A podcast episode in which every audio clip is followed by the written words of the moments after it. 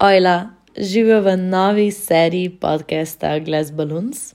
Tokrat bom objavila epizode, ki sem jih posnela od decembra 2022 za projekt Shaping the Digital Future.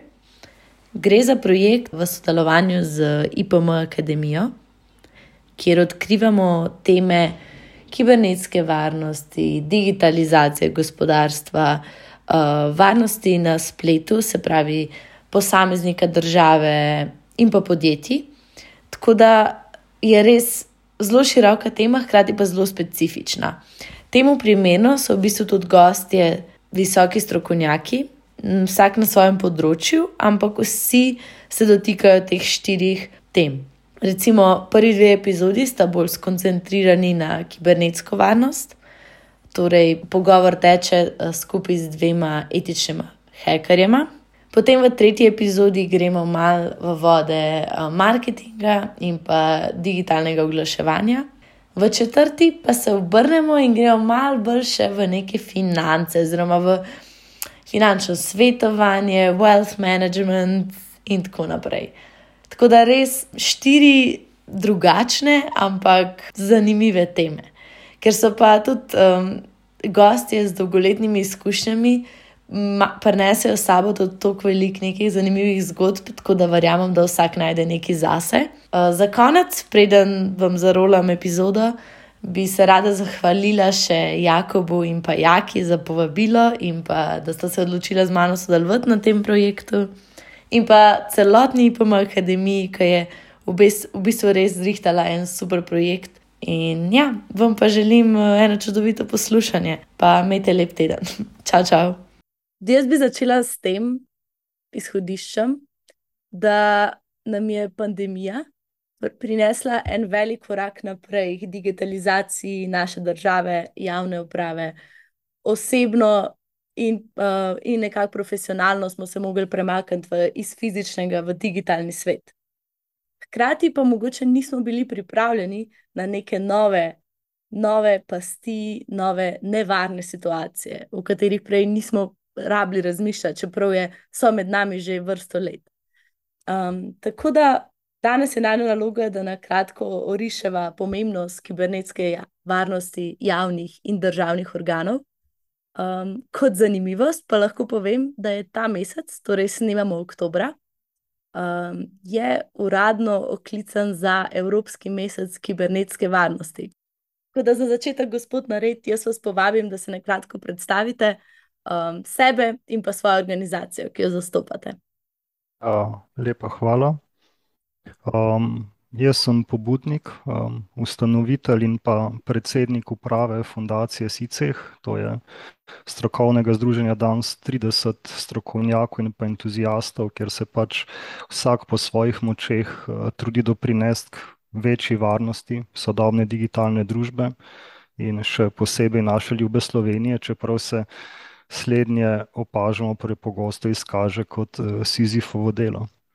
Um, osebno bi se opisal predvsem kot altruističnega raziskovalca in stratega, uh, ki se nekako trudi razbijati zastarele miselne okvirje, preživete družbene vzorce in to ne le na kibernetskem področju, temveč po svojih močeh, povsod, kjer smatram, da je um, potrebno narediti konkreten rez v razmišljanju in usmeritvah. No, pri spodobi bi lahko rekel, da sem tisto otrok, ki zakriči, da je cesar brez oblačil, um, čeprav se v Sloveniji žal vedno znova izkaže, da pač ni bolj slepega od tistega, ki noče videti.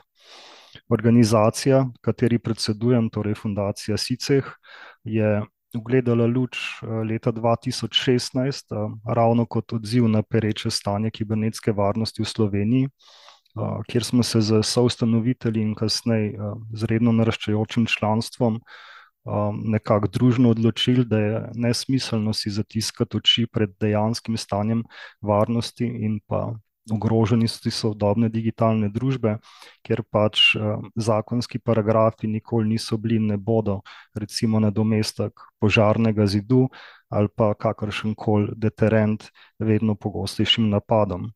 V siceh, bom rekel, razumemo, da je aktualno stanje um, možno izboljšati le z množičnim povečanjem števila strokovnjakov na področju, uh, posledično pa tudi v praksi delujemo nekako na principu mentorstva um, in pač neke odprte izmenjave informacij ter znanja, kjer izkušenejši člani nesebično pomagajo entuzijastom na njihovi um, karierni poti. Um, mogoče bi dodal, da smo vsi po vrsti nekako družno trdni podporniki NATO zavezništva, ampak kljub temu apolitični in pa brez lake na jeziku, se internet, bom rekel, obravnavamo kot javno dobro, enako kot bi obravnavali čist zrak ali pa vodo. In smatramo smo z našim delovanjem tudi že večkrat dokazali, da ne bomo pristali na onesnaževanje, na zatiskanje oči ali pa grožnje. Sej smatramo, smo na pravi strani zgodovine in priznanost fundacije sicer v najvišjih krogih, predvsem izven meja naše države, smatram sled, slednje tudi nesporno dokazuje. Um, za primer lahko navedem, da, da so nas leta 2018, torej le po dveh letih delovanja, kot govorce povabili na letno zasedanje NATO parlamentarne skupščine, kar smatram je nekakšen unikum, ki po mojem vedenju ni uspel še prav nobeni organizaciji pač v celotni zgodovini zavezništva. Uh, ja, to so res dosežki in pa uh, pedigre te fundacije, ki veliko evropskih lahko zavida. Um, mogoče naslednje vprašanje na vaš odgovor. Kako pa je potem urejena kibernetska varnost javne infrastrukture v Sloveniji? Um, stanje kibernetske varnosti, mogoče bi tukaj moral prej povdariti, kaj kibernetska varnost kot takšna je, oziroma kaj pomeni. Uh, osebno jo tretiram kot nič manj, nič manj kot nek poglavitni temelj sodobnega sveta. Ne. Strokovnjaki na področju pa so prva obrambna linija, ki omogoča nemoteno delovanje moderne družbe, še posebej v močno digitaliziranem zahodnem svetu. Če pomislimo, da je danes v povprečju nekje 70 odstotkov vrednosti vsakega podjetja v digitalni obliki in ta odstotek se bo seveda še povečeval tudi v sektorjih, za katere do sedaj to recimo ni bilo običajno, kot je recimo naprimer pridelava hrane, Eh, se bo poleg eh, vseh ostalih sektorjev, ne, kjer nekako tradicionalne metode dela eh, zamenjujejo inovativni digitalni koncepti, predvidevam tudi polje oziroma kmetijske površine, v kratkem avtomatiziran, bodo jih v kratkem avtomatizirano obdelovali recimo roboti, ki jih bo upravljala umetna inteligenca in takšni koncepti so se in se bodo pač še bolj razširili v prav vse pore moderne digitalne družbe.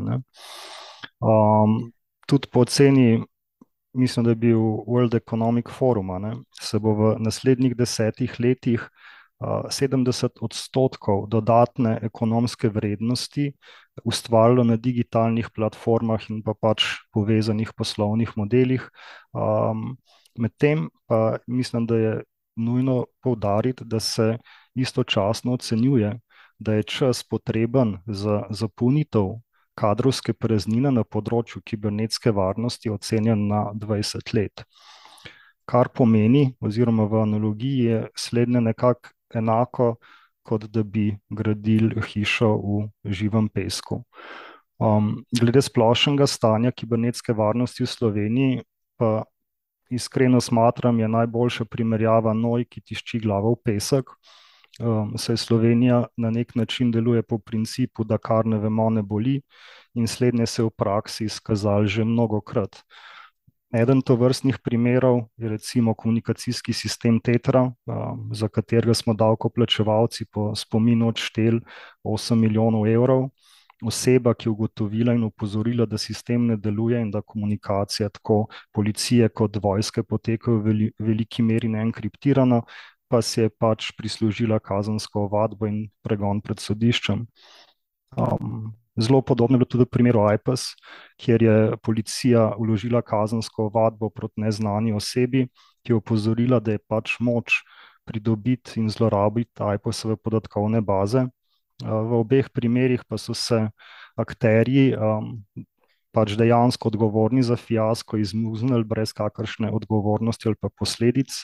Ne. Ti ukrepi so bili uvedeni izključno proti osebam, ki so v dobri veri in pač želi zaščititi sisteme in seveda posledično državljane in državljanke um, naslednje na, na te probleme seveda opozorili. Um, posledično bi nekako rekel, um, da bi Sloveniji na področju, če bi šel po šolskem sistemu, um, podelil oceno ena, torej nezadostno. In glede na nepotizem in klientelizem, zatiskanje oči, uh, ki je v Sloveniji v veliki meri na tem področju žal modus operandi, če želite, lahko podrobneje razložim, no ne vidim, da bi se stvari kratkoročno uh, lahko izboljšali. Eh, tudi dolgoročno smatram, je perspektiva izjemno uboga. Se bi morali za zapolnitev kadrovske preznine na področju uh, kibernetske varnosti začeti investirati že pred davnimi leti. Izjemno borne, aktualne ali pa napovedane investicije pa se navadno dotikajo le milijonskih nakupov opreme, kar pa samo po sebi ne pomeni prav nič. Um, edina perspektiva je, smatram, um, kar že šest let poskušamo narediti v fundaciji SICEH, torej vse moči usmeriti v razvoj kadrovskih potencijalov, um, saj so pravzaprav le agilni, inteligentni, kar hekerji vedno so, in pa seveda predani strokovnjaki, tisti, ki lahko uh, stvari obrnejo na bolje.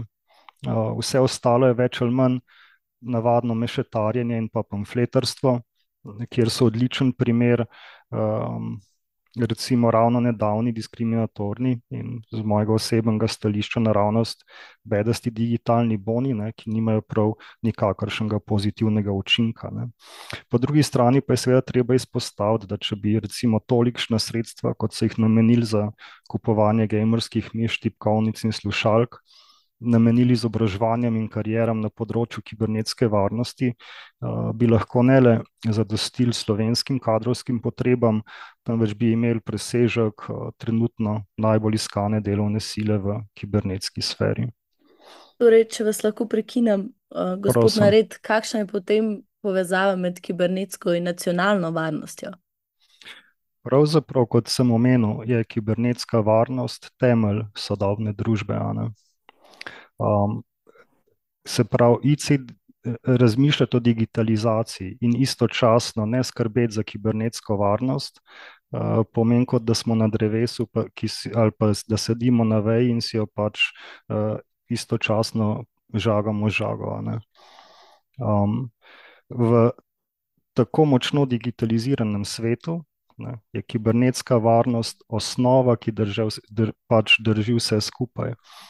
In dolga leta se je slednje enostavno zanemarjalo, na področju naredilo izjemno malo. Ne. Če pač bi omenil stvari, ki smo se jih pogovarjali z ljudmi v državni upravi, so rekli, da ja, se pravi, nacionalno strategijo imamo, ampak kaj pa zdaj? Ne. Izvaja mhm. se ne. Zdaj te stvari se malce izboljšujejo, ampak še vedno se vse dogaja na nekih takšnih trhlih temeljih in na nerealnih osnovah. Ne, za primer, recimo, sicer um, vsako leto izda neko poročilo in noter navedejo število napadov, in potem se pač nekako sklepa, um, da je stanje v Sloveniji odkrito. Ne. Jaz, recimo, sem bil tudi na strani Defenderjev, skrbel za določene strežnike in podobno. In lahko povem, da nek že povprečen strežnik prejme toliko napadov, koliko jih sicer to obravnava v enem letu, v enem dnevu.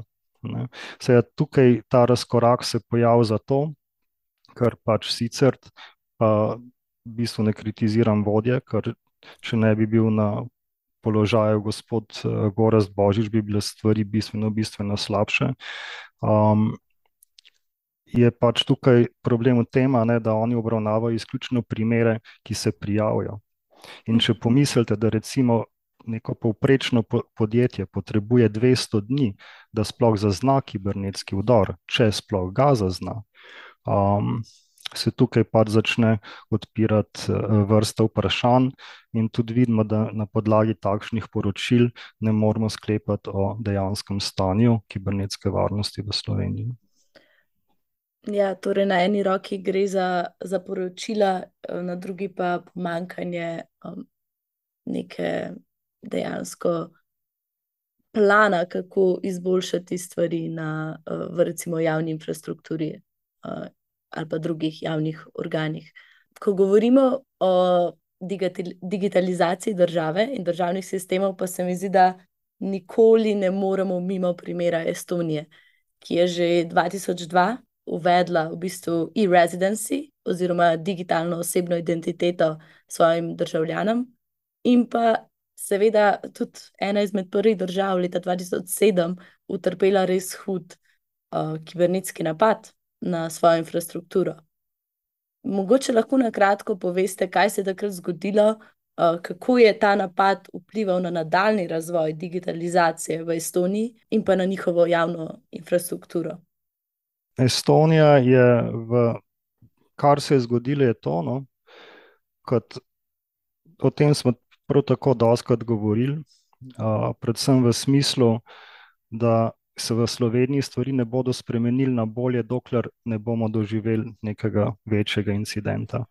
Estonija je bila pač takrat slednjega deležna in posledično je tudi iz tega naslova ena izmed najbolj razvitih držav na področju in dejansko stvari jemlje um, precej resno. Kar se tiče same, samih detajlov teh napadov, se trenutno nisem spuščal v, v te stvari. Um, bi pa lahko komentiral, um, recimo, razvoj napadov od takrat do danes, um, kjer je pač treba poudariti, da je ta razvoj vedno odvisen, seveda, od same narave in pa razvoja tehnologije, ne, kjer se pač skladno z napredkom, predvsem samih naprav ali pa programskih rešitev, temu ustrezno, seveda, prilagajajo tudi vedno bolj napredni napadalci. Um, pa tukaj imam recimo v mislih tako posameznike, organizirane kriminalne skupine, industrijsko špionažo in pa seveda state-sponsored actors. Za primer, Severna Koreja vsako leto iz SWIFT sistema pobere nekje mislim, da je bil podatek 600 milijonov dolarjev. Uh, mogoče sicer ne najbolj odmeven, ampak zagotovo eden najdražjih in občutljivih napadov je, je bila, smatram, kitajska kraja celotnih razvojnih načrtov za ameriško letalo F-35, uh, kjer ga razvoj je stal nekje 1700 milijard dolarjev. Kitajska pa je pač slednje pridobila, oziroma bolje ukradla, praktično za ston. Um, in kot pri vsaki drugi stvari, ne pač ne zadeva enostavno, postavlja samo bistveno grš, grš dizajn. Um, za slednji misli, v mislih je pač težava, ki jo samo opažam in na kar pravzaprav vse čas opozarjamo, tudi v sicah, predvsem ta, da se znane in pa banalne ranljivosti, ki bi jih bilo zelo enostavno odpraviti na masovni ravni, enostavno ignorirajo. Um, kljub temu, da bi lahko recimo posamezne države v svojih IP naslovnih prostorih z izjemno malo angažmaja, uh, mnogo popolnoma nepotrebnih ranljivosti uh, zelo enostavno odpravlja s par črkami na papirju. Estonija je pač to izkusila na lastni koži in se temu ustrezno prilagodila. Um, v Sloveniji pa takšnega dogodka, vsaj na večji ravni, še nismo imeli. Uh, in nosimo za seboj ne leta, ampak desetletja uh, zelo umazane prtljage. Uh, takšen primer so recimo privzeta uporabniška imena in gesla, ne, um, kjer je še recimo leta 2016 um, uh, več slovenskih, ne samo eden, temveč več slovenskih ponudnikov uh, internetnih storitev svojim uporabnikom enostavno priporočalo, da naj na svojih domačih routerjih namestijo uporabniško uh, default username in password, se pravi admin admina. Mm. Ja, ja. Kar pač dejansko ne pomeni nič. Ampak um, z tega naslova, no, uh, v tem istem letu, ne, uh, smo tudi v fundaciji SICEH um, pravzaprav se dotaknili tega primera. Ne, in smo, in mi, mi, to je bila celo tema našega prvega predavanja po ustanovitvi na HEK konferenci v Ljubljani. Ne, in smo med drugim demonstrirali da bi lahko le z majhnim delom takšnih naprav v slovenskem IP prostoru, mislim, da smo se ustavili pri številki tisoč, uh, duplicirali do takrat najbolj obsežen uh, DDoS napad v zgodovini, v svetovni zgodovini, ne slovenski, in pač brez težave onesposobili slovenski internet. Uh, Mogoče bi tukaj, bi ja. tukaj malo vprašala, se pravi, oziroma da bi bo poslušalcem bolj jasno. Se pravi, uh, v SICEH-u, to je v bistvu slovensko združenje etičnih hekerjev, je tako. Um, mislim, da ta pojem ni uh, javnosti tako znan in me zanima, oziroma, dajte nam predstaviti na nek, um, kot da bi babici razlagali, kaj, kako pri izboljšanju neke kibernetske varnosti, recimo, sodelujejo etični hekerji. Se mi zdi, da se navezuje na to tekmovanje, uh, pa lahko pa malo razložite. V poslovnem smislu so pač etični hekerji tisti, ki z izključno z dovoljenjem vdirajo, vdirajo v informacijske sisteme, preizkušajo varnost informacijskih sistemov, spletnih strani, omrežij in tako dalje, z namenom odkriti luknje, ki bi jih sicer odkrili tudi, se pravi, zelo namerni napadalci, in seveda te informacije posredovati naročniku z namenom, da naročnik takšne napake potem tudi odpravi in ojača svoje informacijske sisteme in pač zaščiti svoje poslovanje. Um, v primerjavi se pravi, je to enako, kot da bi recimo nek detektiv šel in preveril, ali so nekje odprta okna, ali bi se dal v določeno fizično stavbo udreti na takšen ali pa drugačen način in seveda svetoval podjetju naj to zaščiti. Na področju informacijskih sistemov ne, pa je takšnih okn in pa od, še predvsem odprtih okn lahko na stotine ali pa na tisoče. In to je pravzaprav v analogiji to, kar etični hekerji počnejo. Je pa spet tako, da po večini ne vsi gledajo izključno samo na svoje sisteme. Zelo malo jih jemlje stvari na celovit način, Se pravi, v slovenskem omrežju trenutno boste na internetu um, zelo enostavno našli lahko recimo benzinske črpalke, uh, toplotne črpalke osnovnih šol, hidroelektrarne in podobne. Um, Mogoče bazene, kjer se da recimo dozirati bazo in kislino.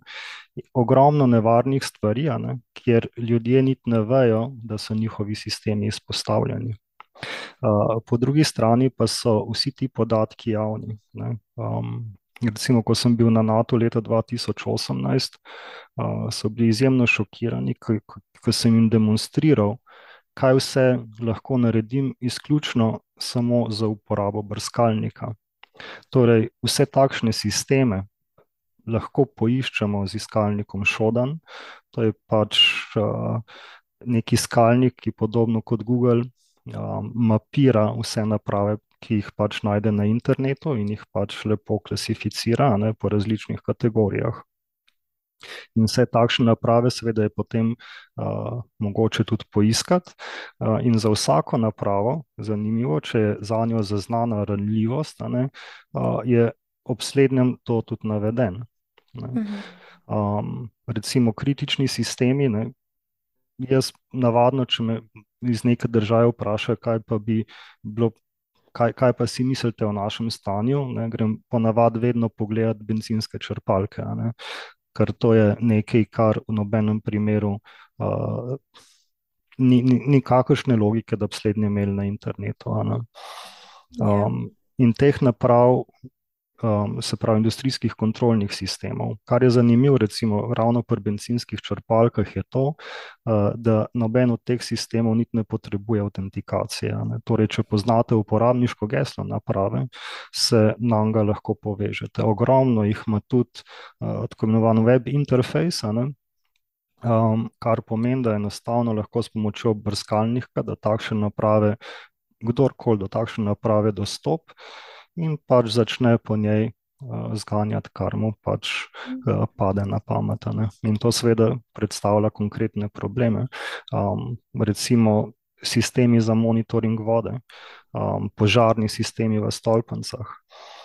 Gre za konkretne težave, ki so že v bistvu v mirnem času lahko zelo problematične, kaj šele, če pride do recimo vojnega stanja ali pa stanja, kot je trenutno med vojno v Ukrajini. Ja, res je zanimivo to, da, um, da, da je zelo tanka je povezava med privatnim in javnim sektorjem na tej točki ne, za neko nacionalno varnost. Ne more se urejati posebej. Uh, podjetja, recimo, ureja, mislim, kar jaz vem, kibernetsko varnost svojih e-mail strežnikov. Ne? In to se podjetje samo, samo odloči, sama je ta pobuda, pride. Ne? Za neke, recimo, vodovod, um, požarne zadove, uh, recimo, pa kar ste našteli, no, še nekaj, onosnaževanje rek, to bi bila katastrofa, ne, ne pitna voda. Pa prije ta nacionalni nivo. Ne? Tako, hibernetska higiena. Um, kot sem rekel, mi jemljemo pač internet kot javno dobro, yeah. Ja. kot čisti zrak, kot vodo. In kot ste v začetku omenili, COVID, uh, kot smo bili takrat, uh, smo tudi še in še posebej na področju kibernetske varnosti, vsi v istem zosu. Se pravi, če imamo povezane naprave. Um, če, in to je tudi zelo dobro, ker o tem se premalo razmišlja, še posebej na področju kritične infrastrukture. Torej, kako določeni sistemi vplivajo na drugega. Ne? Se pravi, ni uh, potrebno zaščititi samo en sistem, ne? recimo določeno hidroelektrarno. Ne? Treba je seveda pomisliti, um, kaj bi. Takšna stvar pomenila za druge sisteme, v primeru, da je kompromitirana. Se pravi, če pade ponudnik interneta, koliko ljudi, recimo, ne more poklicati na pomoč, če imajo IP telefonijo. Um, tukaj gre pač za resne družbene probleme. In če bomo postavili digitalizacijo kot temelj sodobne družbe, in to se bo vedno še bolj širilo, je treba zagotoviti varnost sodobne družbe. Ne? In tu tega ne bomo mogli rešiti s kupovanjem naprav, požarnih zidov mm -mm. in ne vem, kakšne potrebujemo ljudi, ki razumejo problematiko in ki so pripravljeni na tem delati. In seveda na drugi strani potrebujemo odločevalce, ki slednje tudi poslušajo in si pred slednjim ne zatiskajo oči, ker to smatram, da je največji problem v Sloveniji. Se pravi, ne um, na nek način, uh, da nimamo ljudi, da ne vemo, kaj je narobe. Ne? Uh, problem je v tem, da tudi tisti, ki vemo, dejansko smo onemogočeni, da bi pri tem pomagali. In kot rečem, mhm. um, vsaj kar se tiče, bom rekel, nekega širšega okvirja, kar je recimo uh, moja specializacija. Ne? Jaz imam malce devianta numa, ne? tako da še dobro, da sem pač prostor v teh hekerskih vodah, kjer lahko to uh, kreativno kanaliziram. Ampak, če je kje kakšna luknja, kjer bi se pač dalo na nekakšen način stvari izkoristiti ali pa povzročiti večjo škodo, ne, um, takšne stvari enostavno prepoznam in vem, kako jih potem tudi mitigirati. Um, kaj tacga pa nimamo. Se pravi, nimamo ne pravne, ne drugačne podlage, da bi se dejansko lahko kaj takega šli. Um, lahko pa rečem, ne, da to je pač seveda spet specifika Slovenije. Um, na svetu je ogromno hekerjev, recimo, ki uh, pošiljajo avtomatizirane črve naokrog, ki pač hekajo recimo uh, routerje, uh, ki imajo admin admin, in mu pač enostavno sami zamenjajo geslo ne, in pač pošljajo sporočilo, poslušajte, ne, to pa to smo vam pač naredili v vaše dobro. To je seveda pač korak, kjer ga si mi ne bi prvoščali, bi se pa te stvari dal zelo enostavno urediti, um, če bi se pač uh, odločevalci usedali, uh, poslušali. Um, predloge in te potem tudi aplicirala. No, no Mislim, da je to odlična istočnica za kogarkoli bo poslušal, da naprej raziskuje to temo. Me pa za zaključek zanima, kakšna je vaša nekako napoved za prihodnost in pa ena stvar, česar si najbolj želite, da bi, se, da bi bil prvi korak na, tej, na tem koraku v prihodnost. Se pravi, recimo, no, da največji izziv je ravno prepričati odločevalce, da je stanje preresno, ne, da bi se še naprej pretvarjali, da so stvari ok, da se resno pristop k izdelavi nove strategije kibernetske varnosti, ki bo pač realna, izvedljiva, ki bo upoštevala moderne in prihajajoče grožnje, hitro spreminjajočo se globalno geopolitično situacijo, in kjer se bo seveda takšna strategija tudi dosledno izvajala in financirala. Ne. Recimo temu pač, da je skrajen čas, da noj dvigne glavo iz peska, um, še posebej glede na to, v kakšni geopolitični situaciji, pa naj se gre zdaj za uh, Ukrajino in Rusijo ali pa ne na zadnje zaostrovanje okoli Tajvana, um, da se pač potrebno si je prenehati zatiskati oči. Um, dejansko v splošnem menim, um, da bi bil najboljši vzor za Slovenijo ravno fundacija SICEH, ne, kjer smo pravzaprav vse, smatram, da izjemno vidne dosežke od ustanovitve pa do danes uh, dosegali z budžetom okoli 10 tisoč evrov v celotnih šestih letih. Uh, ker smo pač fundacijo v veliki večini financirali sami, ko smo jo ustanovili, so bili določeni ustanovitelji še študenti in tako naprej. In pomislite pravzaprav vse, kaj bi lahko dosegali in dobrega naredili za Slovenijo, ne, če bi imeli financiranje, kot ga ima pač vsako politično povezano društvo ali pa zavod, bom rekel, za mešanje megle. Um, pravzaprav smo kljub temu, ne, da smo uh, po pravni obliki fundacija, neuspešno poskušali prepričati pristojno ministrstvo, ne, da bi nas umestilo na, vsaj na seznam upravičencev do donacij. Uh, tudi naša želja, da bi pridobili donatorja, ki bi nas recimo prepoznali uh, kot potencial za graditev kadrovskega bazena, um, se je zaradi izjemno nizke poslovne kulture v Sloveniji uh, izkazala za zgrešen pristop. Ne. Konkretno um, so enostavno um, poklicali naše najbolj vidne člane, seveda mimo nas. Um, in pravzaprav ne, lahko rečem, ne, da smo kljub vsem polenom pod noge nekako ostali enotni. Uh, naši člani se niso prodali in pač kljub samo ustrajamo, se širimo, rastemo. In čeprav nimamo niti poslovnih prostorov, ki si jih kot organizacija niti ne moramo privoščiti, ne, kaj šele, da bi uh, lahko naprimer uh, sofinancirali certificiranje uh, uh, našim talentiranim članom. Ne. Ker ponovno poudarjam, ne, če ne bomo vlagali v ljudi, ne, če ne bomo začeli konkretno delati na razvijanju kadra, um, in seveda, če ne bomo preprečevali se, se pravi z inicijativami odhoda možganov, bega možganov iz države, um, so vse strategije in vse pamfletiranje in, in vsa govoranca okrog kibernetske varnosti izključno in samo puhlice.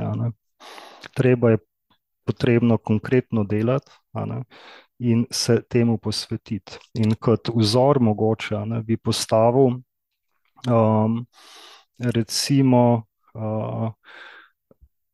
na ravni držav, kot nek sveta, svet, svetu primer pravilnega pristopa, ne, kakršnega bi si v Sicehu želeli tudi Sloveniji. Um, bi izpostavil Izrael pod vodstvom Benjamina Netanjahu, ne, ki je v svojem slogu s trdno odločitvijo, ne, takrat zaveza in pa seveda financiranjem, Izrael spremenil v kibernetski powerhouse, ne, in kjer se danes več kot 40 odstotkov vseh zasebnih investicij na področju kibernetske varnosti steka v izraelska podjetja, dodatno pa se tam nahaja tudi tretjina svetovnih kibernetskih startupov s kapitalom vsaj milijardo dolarjev. Ne. In izjemno impresiven se mi zdi podatek, da produkti in storitve kibernetske varnosti predstavljajo nekje 7,7 odstotka celotnega izraelskega izvoza. Ne, slednje pa so pravzaprav dosegli le v nekaj letih pod vodstvom odločnega in daljnovidnega politika, ki je pač, bom rekel, razumel dejansko naravo sodobnega digitalnega sveta, kar pa je pravzaprav nekaj, o čemer lahko v Sloveniji samo sanjamo, ne. Vsi zatrjujejo, da je naše stanje dobro, ne, kar pa je popolno diametralno nasprotje pač vsem letom in če ne desetletjem izgubljenih priložnosti, ne. Pač kot sem omenil prej, pamfletiranje o digitalnem napredku in razvoju bomo slišali na vsakem koraku, v praksi pa se pač dijakom in študentom kupuje miške, tipkovnice in slušalke, to pa je tudi vse, ne.